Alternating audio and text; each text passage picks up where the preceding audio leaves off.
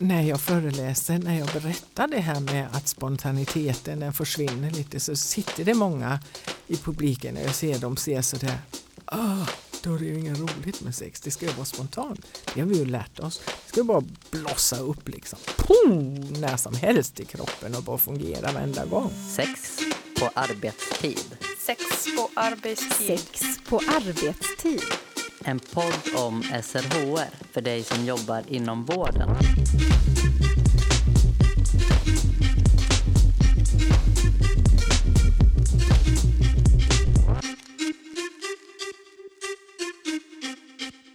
Att få en neurologisk sjukdom eller skada påverkar stora delar av livet, även sexualiteten.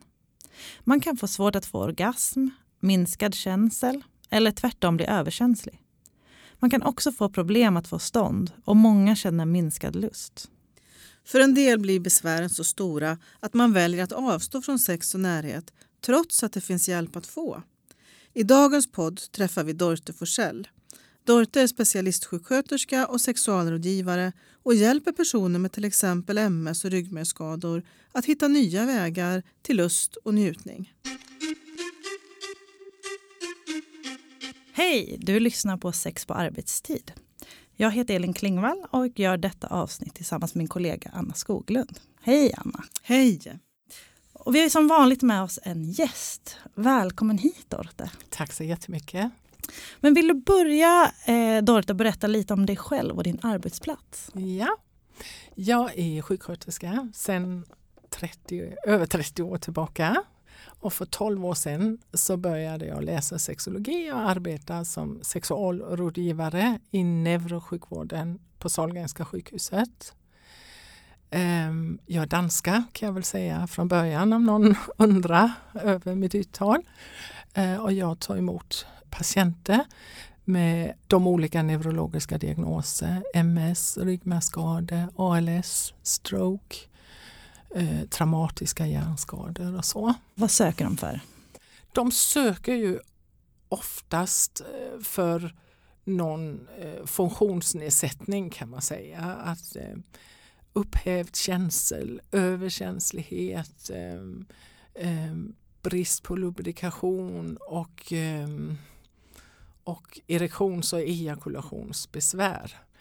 Men alla dessa områden är ju ändå ihopkopplade med lustproblematik också. Så man kommer, kommer aldrig undan lustproblematiken på något sätt. Antingen det är den som söker som har en lustproblematik eller om, om det är den hemma som kanske har det till följd av ett långt eh, förlopp, eh, krisartat förlopp kanske efter sjukdom eller skada. Är, är det vanligt att anhöriga eller att partner eller partners är med i de här eh, samtals eller rådgivningssituationerna? Ja, det vill jag nog säga. Det blir mer och mer vanligt. Det var inte vanligt alls i början. Skiljer sig frågorna åt utifrån olika diagnoser eller finns det många gemensamma nämnare? Mm. Alltså, jag tänker så här att, att det, det beror mycket på vart, man, vart i förloppet man befinner sig av sin diagnos, sjukdom eller skada.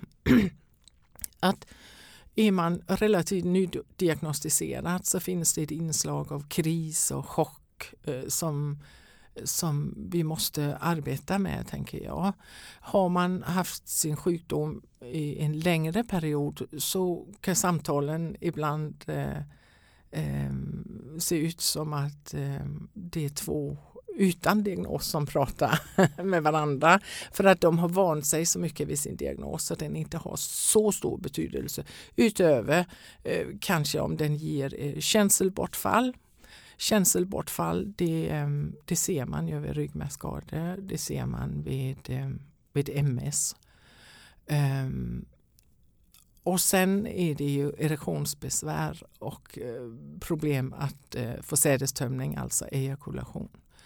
Ehm, jag ska kanske nämna att jag skulle tro att runt 90 procent av, av de som söker sig eh, till min mottagning är män. Varför tror du att det är så? Ja, det är en bra fråga. Jag har funderat jättemycket över den. Ehm, det kanske är så att man ha en föreställning om att en mans sexualitet är presterande och en kvinnas sexualitet är mottagande. Att det finns starka normer kring detta. Sen finns det starka normer kring att vara man har ett stånd. Att om inte en man han presterar ett stånd när han är sexuellt upphetsad så är han ingen man.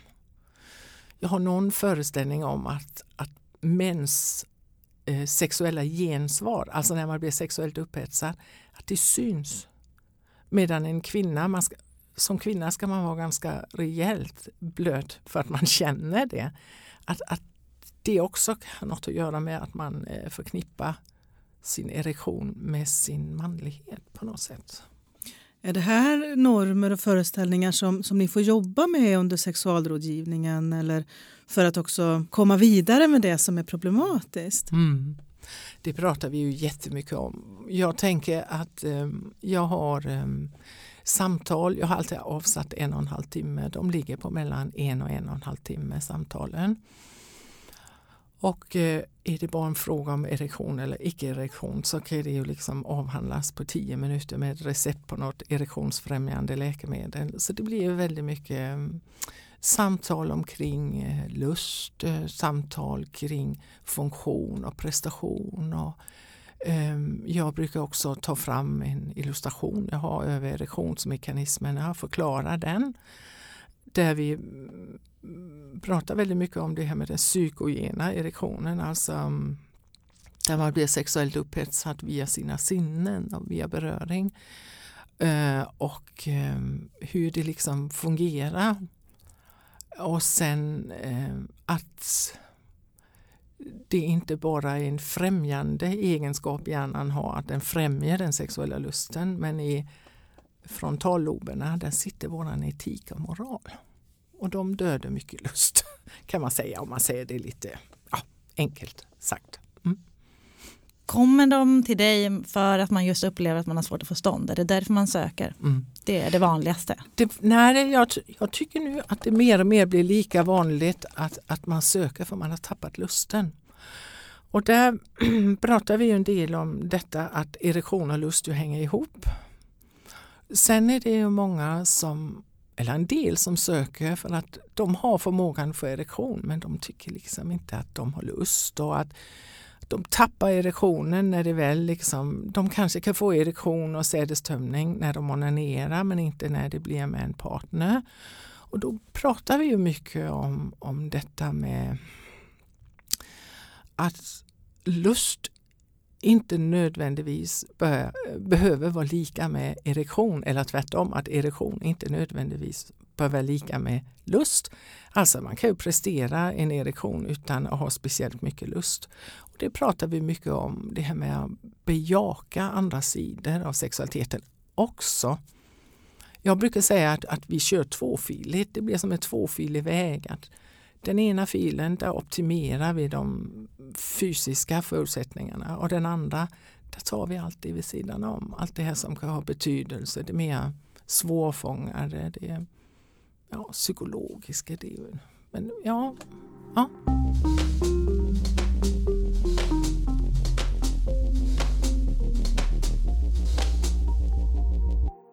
Men de här eh, fysiska eh, problemen som du beskriver, alltså bortfall av känsel, eh, svårt att få stånd, eh, till exempel minskad lust. Beror det, är det direkta konsekvenser av diagnosen? Alltså den nedsatta känseln kan man säga det är en rent fysiologisk eh, effekt av att, att nerverna inte skickar signaler eller tar emot signaler från området. Erektionssvårigheter är ju också eh, för många av de neurologiska sjukdomar ett, ett fysiskt symptom på sjukdomen. Men ehm, man säger ju att, att, att ehm, erektionsbesvär ehm, Även om de börjar som en fysiologisk orsak så får de alltid en psykologisk påbyggnad efter ett tag. Eh, det, det, finns något som man kallar prestationsångest. Det var ett begrepp som myntades av Masters Johnson på 50-talet men man använder det fortfarande lite grann. Eh, och det är många som känner igen sig när jag pratar om detta att, att, att man eh, vet, till exempel som jag sa innan, man vet att man kan förstå när man är själv och man onanerar. Men när man ska ha sex med en partner, när man ska visa något, bevisa något, så, så blir det svårt med erektionen. Jag, jag brukar säga så att um, om man nu ska lära sig cykla, om man testar och testar och testar och det går inte att lära sig cykla. Så till slut så slänger man cykeln och så går man alltså bussen istället. Men det kan man inte riktigt här. Och där är det, tänker jag, beroende på hur välmående kommunikationen i relationen är. Om man kommer över den här eh, punkten. Men jag upplever också att, att samtalen vi har, om jag till exempel har det med, med patienten eh, alene, att det ändå hjälper att få satt ord på de här sakerna. Och det visar sig ju i litteraturen också att eh, Viagra eller sildenafil som det heter nu, alene inte hjälper längre. Det måste samtal till. För en del får man ju snarare en överkänslighet, till exempel mm. om man har MS. Mm. Vill du berätta lite om det? Ja, jag har inte träffat så många med överkänslighet. Jag träffade en kvinna som var överkänslig på ena sidan av klitoris och ingen känsel på andra. Det var en utmaning. Och för överkänslighet, där brukar vi prata om att använda sig av till exempel emlakräm. Eller, bedövningssalva? Ja, bedövningssalva. Ja. Xylokain, det finns någon för insektsbett eller så som, som man kan använda också för att försöka få ner. Men där ska man då samtidigt tänka på att, att då kan det vara så att då måste ju stimuleringen av klitoris blir tuffare då. Mm. För då har man ju nedsatt känsel. Men att om man kan hitta den här punkten mellan eh, bedövning och ändå vällust. Det, det, är en gräns, eh, alltså det är en gränsdragning som är jättesvår. Men, men eh, jag tycker att, att man alltid ska uppmuntra till att försöka. De här eh, fysiska besvären, är det tidiga symptom när man har fått en diagnos? Mm. Alltså vid en ryggmärgsskada så kommer de ju på en gång när ryggmärgen går sönder kan man säga. Eh, och sen vid MS så är det beskrivet i litteraturen att det kan vara ett första symptom. Men det är inte många som tänker MS om de får en annorlunda känsla i sin klitoris till exempel. Men flera tittar tillbaka och säger nej men det började nog där. En stum känsla i penis eller i, i klitoris. Och, och nedsatt känsel är ju ett, um, ett svårt symptom att arbeta med för man kan ju inte göra någonting åt det. Har man fått en nedsatt känsel på grund av nervskada så är den ju där. Och där arbetar vi med att använda sig av det man har då. Så då måste man förändra sin sexualitet på något sätt tänker jag. Man, man, kan inte ha det som man hade innan för man har inte funktionen som man hade innan. Då tänker jag ibland om man nu tänker att sexualitet eller sex det är vuxnas lek kan jag tänka ibland. Så tänker jag att då får man lära sig att gå från gungorna till karusellerna. Man kan inte gunga längre. Så nu får vi gå bort till karusellen och lära oss den. Så kan jag tänka lite sådär. Hur menar du då? Ja, har man nu inte känsel i sin klitoris, om man inte, man inte upplever en orgasm på samma sätt som innan, då måste man hitta nya vägar. Man får använda hela kroppen tänker jag. Och har man nu en skada som går från bröstvårtorna och ner, då har man bara den delen ovan skadenivån och kan använda som eh, taktil, eh, vad ska man säga, som taktilt område. Sen mentalt får man ju arbeta mycket också med vad sex det är och där kommer vi in på normer igen, igen, igen. Eh, hur sex ska se ut och hur det faktiskt ser ut när man har olika sexuella, fysiska sexuella nedsättningar eller funktionsnedsättningar. Eh, män med ryggmärgsskador, de får ju, kan ju få sädestömning om man använder, ibland räcker det att använda handen. Nu pratar vi om män med en komplett skada, alltså totalt bortfall nedanför skadenivån där kan man ju sällan, eh, sällan få sädestömning om inte man använder någon form av vibrator eller två. Eh, och när man får sädestömningen så blir det inte som en orgasm som var senare. orgasm och sädestömning är ju två olika händelser som oftast sammanfaller för de flesta. Men, men här så får man en sädestömning som man kanske känner lite kittling upp och ingenting annat. Men sädestömningen kan man ju använda i, i fertilsyfte kan man säga om man vill bli pappa. Och, och det kan ha andra effekter också som förbättrad blodsfunktion och, och så vidare. Hur ser det ut med fertilitet och, och medicinering när det handlar om neurologiska sjukdomar och skador? Mm. Behöver man göra några förändringar där när det är, om det är aktuellt med graviditet? Alltså är man man och har en ryggmärgsskada så påverkas fertiliteten alltid. Kommer det från fertilitetskliniken att det inte är så många spermier, spermier eh, så skriver jag en remiss med en gång till fertilitetskliniken och så tar de över paret. Då. Mm. Vid MS är det ingen direkt påverkan så men, men där kan ju känselnedsättning och funktionsnedsättningar göra att, att man har svårt att få ut spermierna. Mm. Och där tänker jag, alltså kvinnor med MS som vill vara gravida, de får ju planera det noga för det har med medicinen att göra. Men det är inte jag så mycket blandad in i för det sköter doktorerna. Det, har, det adresserar de väldigt tydligt och har de jättegod kunskap om, mycket bättre än min.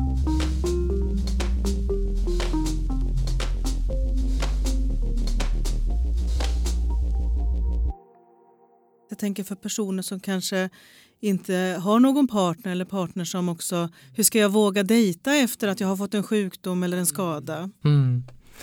Det är ju ehm, det är en problematik som jag ofta stöter på. Alltså den här um, oron för att ingen tycker om mig. Um, för att inte vara attraktiv. Och det kanske inte, det kanske inte endast är de direkt eh, primära sexuella eh, dysfunktionerna. Det kan vara sekundära också som avföring, urinläckage, smärta och så. Som också har stor betydelse för om man vågar. Vad kan man, jag tänker det, det här med urinläckage och, och avföring och så vidare. Vad, vad kan man göra i de situationerna för att underlätta ifall man ska ha sex med någon annan? Mm.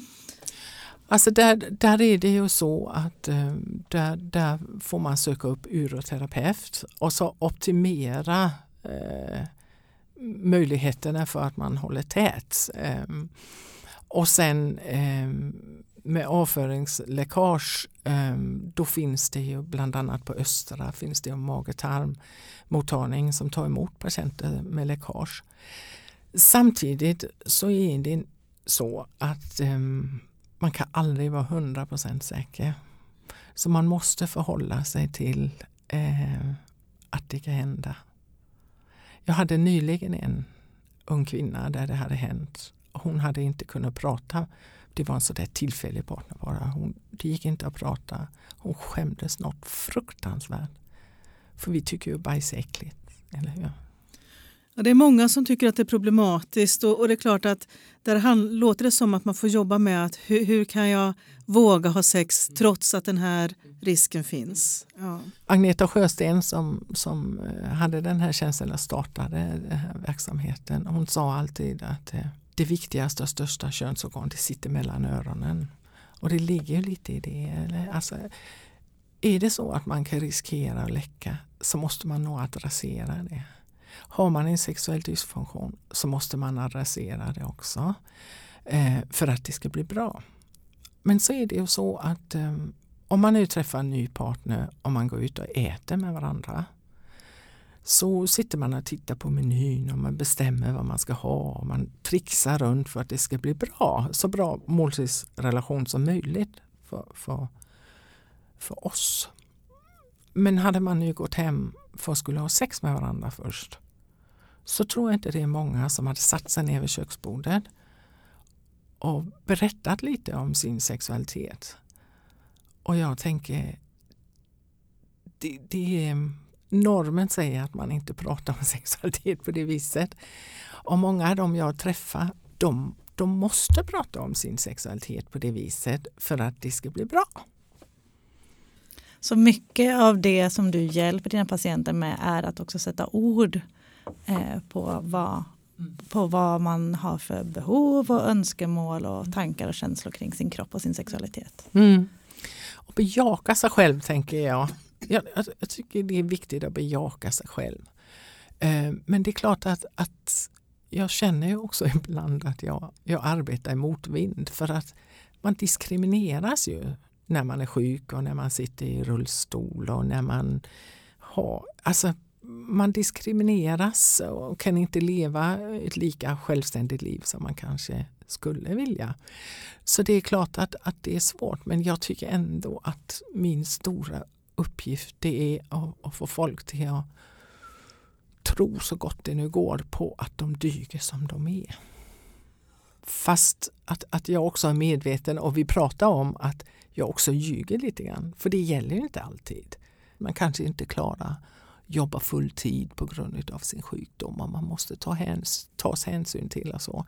Så det är mycket som gör att, att um, det finns en grogrund för att man inte känner sig som en fullvärdig medlem i samhället.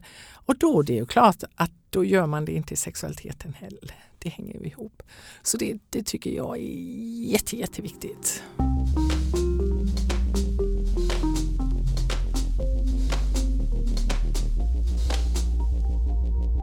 Vad kan man göra själv? Jag tänker att det, vi pratat en hel del eh, om, vad man kan göra tillsammans med, med en eventuell partner. Men många gånger behöver man ju kanske börja i sig själv. Att upptäcka eventuellt en, en ny kropp med nya eh, funktioner eller avsaknad av funktioner. En, en annan känsel. Eh, hur, hur, kan man börja med, med sig själv? Mm. Alltså det, det är en fråga som, som jag inte var så inriktad på i början som jag, jag försöker jobba mer och mer med. För att jag tänker, hur ska man, hur ska man förklara hur ens kropp fungerar om inte man vet själv? Hur, om inte jag vet hur min kropp fungerar, hur skulle, någon, skulle man kunna förklara till någon annan? Så jag tänker, man måste vara trygg med sin egen kropp. Man måste försöka utmana sin kropp. Har man en ryggmärgsskada så utmanar man den kanske på de ställen där man, där man har känsel. Eh, men också tänka att man fortfarande eh, har en hel kropp. Eh, jag tänker om man till exempel hos mig får ett sexuellt hjälpmedel så brukar jag ofta säga att, att jag tycker att det kan vara en ganska bra idé att prova det själv först. För då blir det, får man en sorts självsäkerhet att man behärskar tekniken, eh, man behärskar eh, reaktionen som man får på det här hjälpmedel. Och, och sen eh, uppleva en viss trygghet. Att det är bara jag själv som ser om jag misslyckas och det är bara jag själv som behöver ta vad ska man säga, konsekvensen av det här hjälpmedlet. Och så, och så sen eventuellt ta en partner in. Sen så tänker jag också att det finns ju massor med människor i våra samhälle som inte har en partner att ha sex med. Och det tänker jag också att, att det är viktigt att bejaka att det är okej. Okay. För ibland så hör man faktiskt fortfarande i sjukvården Ja, han har en fru så du får nog gå in till honom. Och jag tänker, hmm, tänker jag, det är lika viktigt när man inte har en partner som när man har en partner.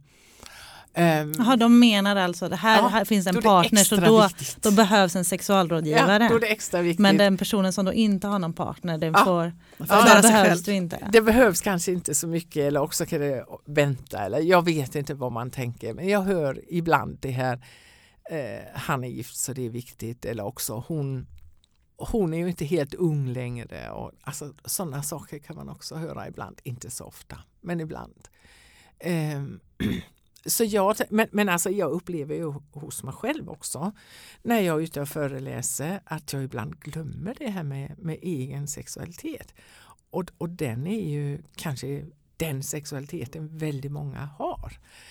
Och jag tänker, är man förlamad från bröstet och ner så är det så är det lite svårt det här med hur ska man få till onanera? Då blir onanera något annat. Då kanske vi ska kalla det något annat. Då kanske vi bara ska kalla det njutning. Det behöver inte vara en sexuell njutning. Har du en partner som kommer på besök under en lång sjukhusvistelse, se till att, att den partnern hoppar upp i sängen och ligger nära. Försök att roffa åt dig så mycket njutning du kan, tänker jag. Och jag tänker, alltså det här med, med kroppen, då tänker jag ju att eh, har man, eh, har man kroppsliga funktioner, nedsatta kroppsliga funktioner och gå hos en fysioterapeut. Så det är en del, det är en del av sexualiteten också tänker jag. Att man blir medveten om sin kropp. Eh, att de här benen de finns faktiskt fast de är förlamade. De är fortfarande en del av mig. Alltså en, en kroppsmedvetenhet tänker jag måste väl ändå vara någon sorts grund för att man bygger på sin sexualitet. Så det för sig går ju, tänker jag, lite alla kan vara med till att hjälpa patienterna till att få en bra sexualitet, kroppsmedvetenhet, bekräfta patienterna eh, och försöka och, och stödja dem i att de dyger banne mig lika bra nu som innan. Mm. När livet förändras på grund av en skada eller en, en, en sjukdom så så kanske det här som annars är med som norm med att vi ska vara så spontana när det handlar om sex, att det ställs, ställs på sin spets på något vis. Hur tänker du kring det? Där tänker jag att, att det här med att vara spontan när man först ska tömma blåsan och se till att tarmen är och ta sig ur stolen och så vidare, att det, det är inte så enkelt längre när jag föreläser, när jag berättar det här med att spontaniteten den försvinner lite så sitter det många i publiken och jag ser dem se sådär, Åh, då är det ju inget roligt med sex, det ska ju vara spontant. Det har vi ju lärt oss. Det ska ju bara blossa upp liksom, Pum! när som helst i kroppen och bara fungera varenda gång. Och så brukar jag fråga dem när de säger nej, säger de, så kunde jag aldrig ha sex. Så brukar jag faktiskt fråga varför det är så att jag kan längta, med, jag kan längta i tre månader efter en resa till Maldiverna men jag får inte längta till sex på fredag klockan sju. Och så började det hända något. Då började man fundera lite. För att det är så att väldigt många mår faktiskt bra av att planera. Jag jobbar jättemycket med detta. Både när man har nedsatt lust, för nedsatt lust det gör oftast ja, både lust och funktion, det gör ofta att man drar sig tillbaka även annan beröring. Det var väldigt tryggt att veta att en gång i veckan, så, eller två gånger i veckan eller tio gånger i veckan, det är inte jag som bestämmer. Men där, ehm, där bestämmer jag, brukar säga ta söndag eftermiddag och så sätter jag ner och så bestämmer vilka dagar. Ni ska vara erotiska brukar jag säga. Och jag har fått så mycket bra respons på detta. Varför gjorde vi inte detta tidigare? Åh, vad mysigt det är. För vi kom inte till skott för jag hade tappat lusten men nu har lusten allt kommit tillbaka. Och då tänker jag om jag får prata en liten stund om lust. För, för det är något som jag pratar väldigt mycket om också. För lust har också blivit någon sorts sådär upphöjd känsla som, som är helt um, ja, nästan gudomlig när vi pratar lust och sexualitet. Att det är inte många som kan leva upp till detta att lusten den ska liksom poppa upp som en eld inom en och den ska jag har inte sett 50 shades of Grey och det har jag inte gjort i ren protest, liksom patetiskt, men så är det. Men där har jag för mig att det beskrivs en, en, en lust och det gör det ju annan sån litteratur också. En lust som nästan gör en galen, eller hur? Och det är ju bara att tacka till de som har upplevt det. Men eh, alla vi andra dödliga, vi måste också få plats i det lilla sexspelet tänker jag. Att, att sex är ibland något mysigt man gör eh, en stund eh, då och då. Och ibland så är det divine kan man säga. Eller hur? Men det, det måste finnas plats till att ta, dra ner sexet från piedestalen tycker jag. Att ibland så är det bara sådär vanlig vardagsmys sex.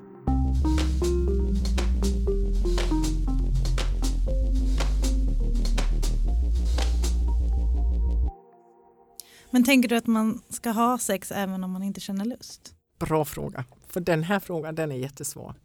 Här vill jag börja med och eh, skilja på olust och icke-lust. För olust, det är för mig något helt annat. Det är djupa psykologiska eh, vad ska man säga, processer som inte en sexualrådgivare eh, i neurosjukvården klarar av. Men icke-lust, om man nu ställer sig frågan, om du nu har sex, är det bra då?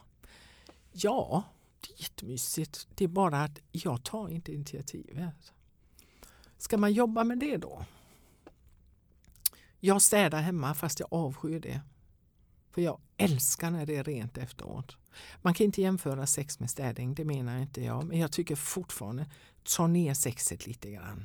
Ta bort det här rosa skimrande, det här explosiva och, och se att ja, det är ett vanligt behov vi har som gör oss gott när vi har sex. Inte alla dock, vill jag Nej. säga. En del har ju inte, faktiskt inte lust att ha sex med sig själva eller med andra. Och där vill jag också säga, för kommer man till mig så, så har jag ofta frågan om man kommer med en lustproblematik. Har du lust att ha lust? För har man inte lust att ha lust så har man inget sexuellt problem. Då kanske man inte kommer till dig. Jo, enkelt. ibland så ligger det på gränsen för att det är en partner som vill. Och att det finns en föreställning om att jag borde. Kanske. Mm. Och där är det ju jätte, jätteviktigt när man arbetar med ett par där det, där det finns olika lustnivåer. Där utgår man alltid från låglustaren för annars så blir det ett sexuellt övergrepp. Och höglustaren kan ibland tycka det är lite orättvist tills jag får förklarat. Att om inte vi börjar med den parten som har låg lust så blir det aldrig någon lust. Ska vi, vi kan ju inte börja med den som har mycket lust, eller hur? För då blir det ju en överkörning.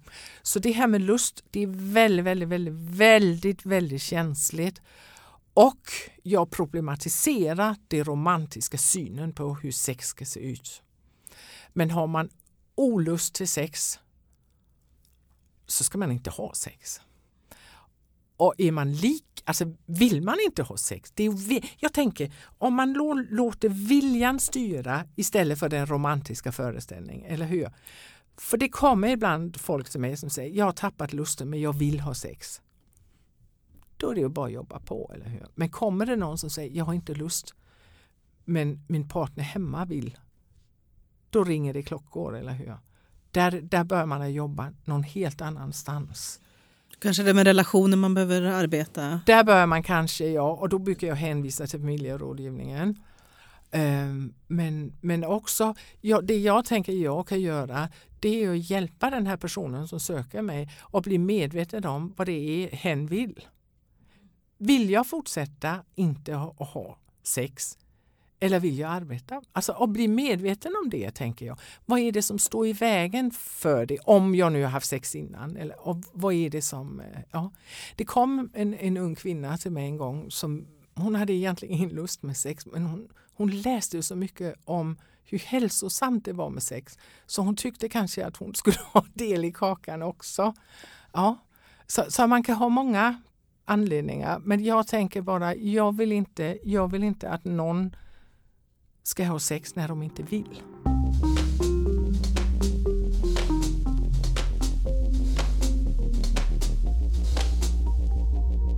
En annan diagnos som kan ställa till problem när det handlar om sexualitet är ju Parkinson. Och just att det blir en sexualitet som kanske också blir än svårare att prata om. Kan du beskriva lite hur det kan bli, hur det kan bli i de sammanhangen? Mm. Alltså, man säger ju generellt att, att när man drabbas av Parkinsons sjukdom så, så får man en nedsättning av de sexuella funktionerna eh, så småningom.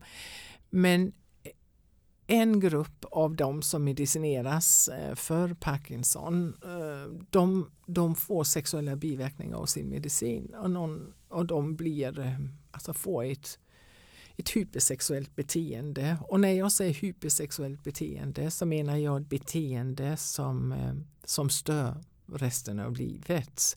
Inte för att man har mycket sex. Utan det blir ett lidande för Det patienten. blir ett lidande för både patient och, och, och anhöriga. Eh, med eh, allt från att man eh, ja, hänger sig åt sin sexualitet eh, med olika fetischer under hela dagen eller man pratar med allt alla man möter omkring sexualitet, även sina vuxna barn. Man, man kan inte prata om annat än sexualitet. Man har ofta eh, många, om man har en relation, har man ofta många utom Eh, vad kallar man det, relationella, utomäktenskapliga relationer. Eh, och med nätet så finns det ju möjligheter nära till hands också. Så det är ett stort lidande. Och där försöker man då, och, eh, för det är klart att eh, när väl det kommer fram, det kan ta sin tid innan det kommer fram för att det är väldigt skämmigt att säga man tänker på sex hela tiden. Då, eh, då måste man ju försöka och, och man måste ha tag i en läkare, den patientansvariga läkaren med en gång som får börja reglera och sen får man ha försiktiga samtal. Reglera medicinen? Ja. ja. Och sen måste man ha försiktiga samtal med patienten för, för att man ska inte gå för mycket in i det heller. Man får liksom försöka hitta en, en balans. Och därför är det ju så viktigt att personal i sjukvården talar om det för personer som blir diagnostiserade med Parkinson och som sätts i medicinsk behandling att detta kan vara en biverkan och sök vård om det blir problematiskt på minsta lilla sätt. Ja. Finns det andra biverkningar av andra läkemedel för andra neurologiska sjukdomar eller diagnoser?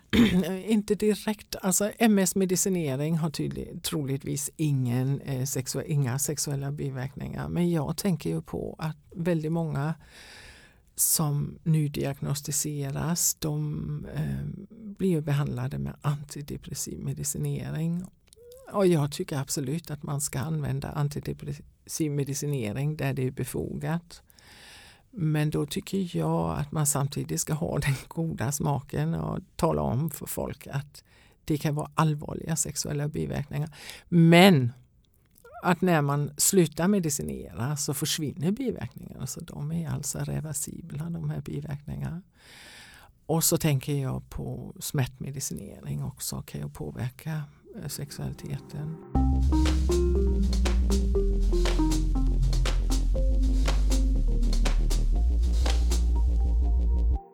Tusen tack Dorte tack. för att du har varit mm. med oss i Sex på arbetstid. Mm. Och delat med dig av din enorma kunskap och erfarenhet av att möta den här patient, eller de här patientgrupperna. Mm. Eh, innan eh, vi avslutar så skulle vi gärna vilja höra vilka tre tips mm. du har med dig.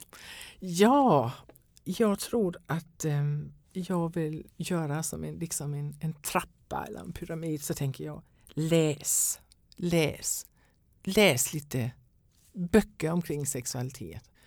Och då tänker jag på Birgitta Hultes Sexualitet och hälsa. Den är gammal men den är lättillgänglig och, och ganska neutral. Så väldigt många skulle kunna få behållning av att läsa den. Och så, så tänker jag nästa steg det är att man börjar och eh, fundera över vad man tänker omkring sexualitet. Tycker man något är fel eller något är äckligt eller något är bra eller fundera så man blir medveten omkring hur ställer jag mig till sexualitet. Och så tänker jag när man har det, den grunden så vågar man att fråga patienterna om deras sexualitet. Tusen tack. Tack själv. Det har varit jättetrevligt.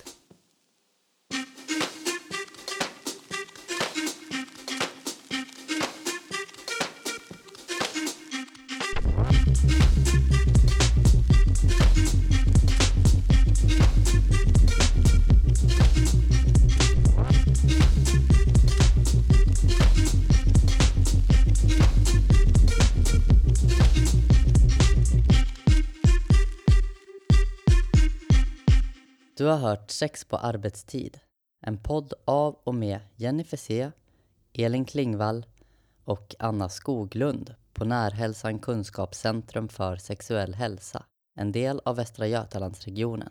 Podden finns på närhälsan.se ksh och srhr.se. Sex på arbetstid produceras av Malin Holgersson på uppdrag av Närhälsan Kunskapscentrum för sexuell hälsa.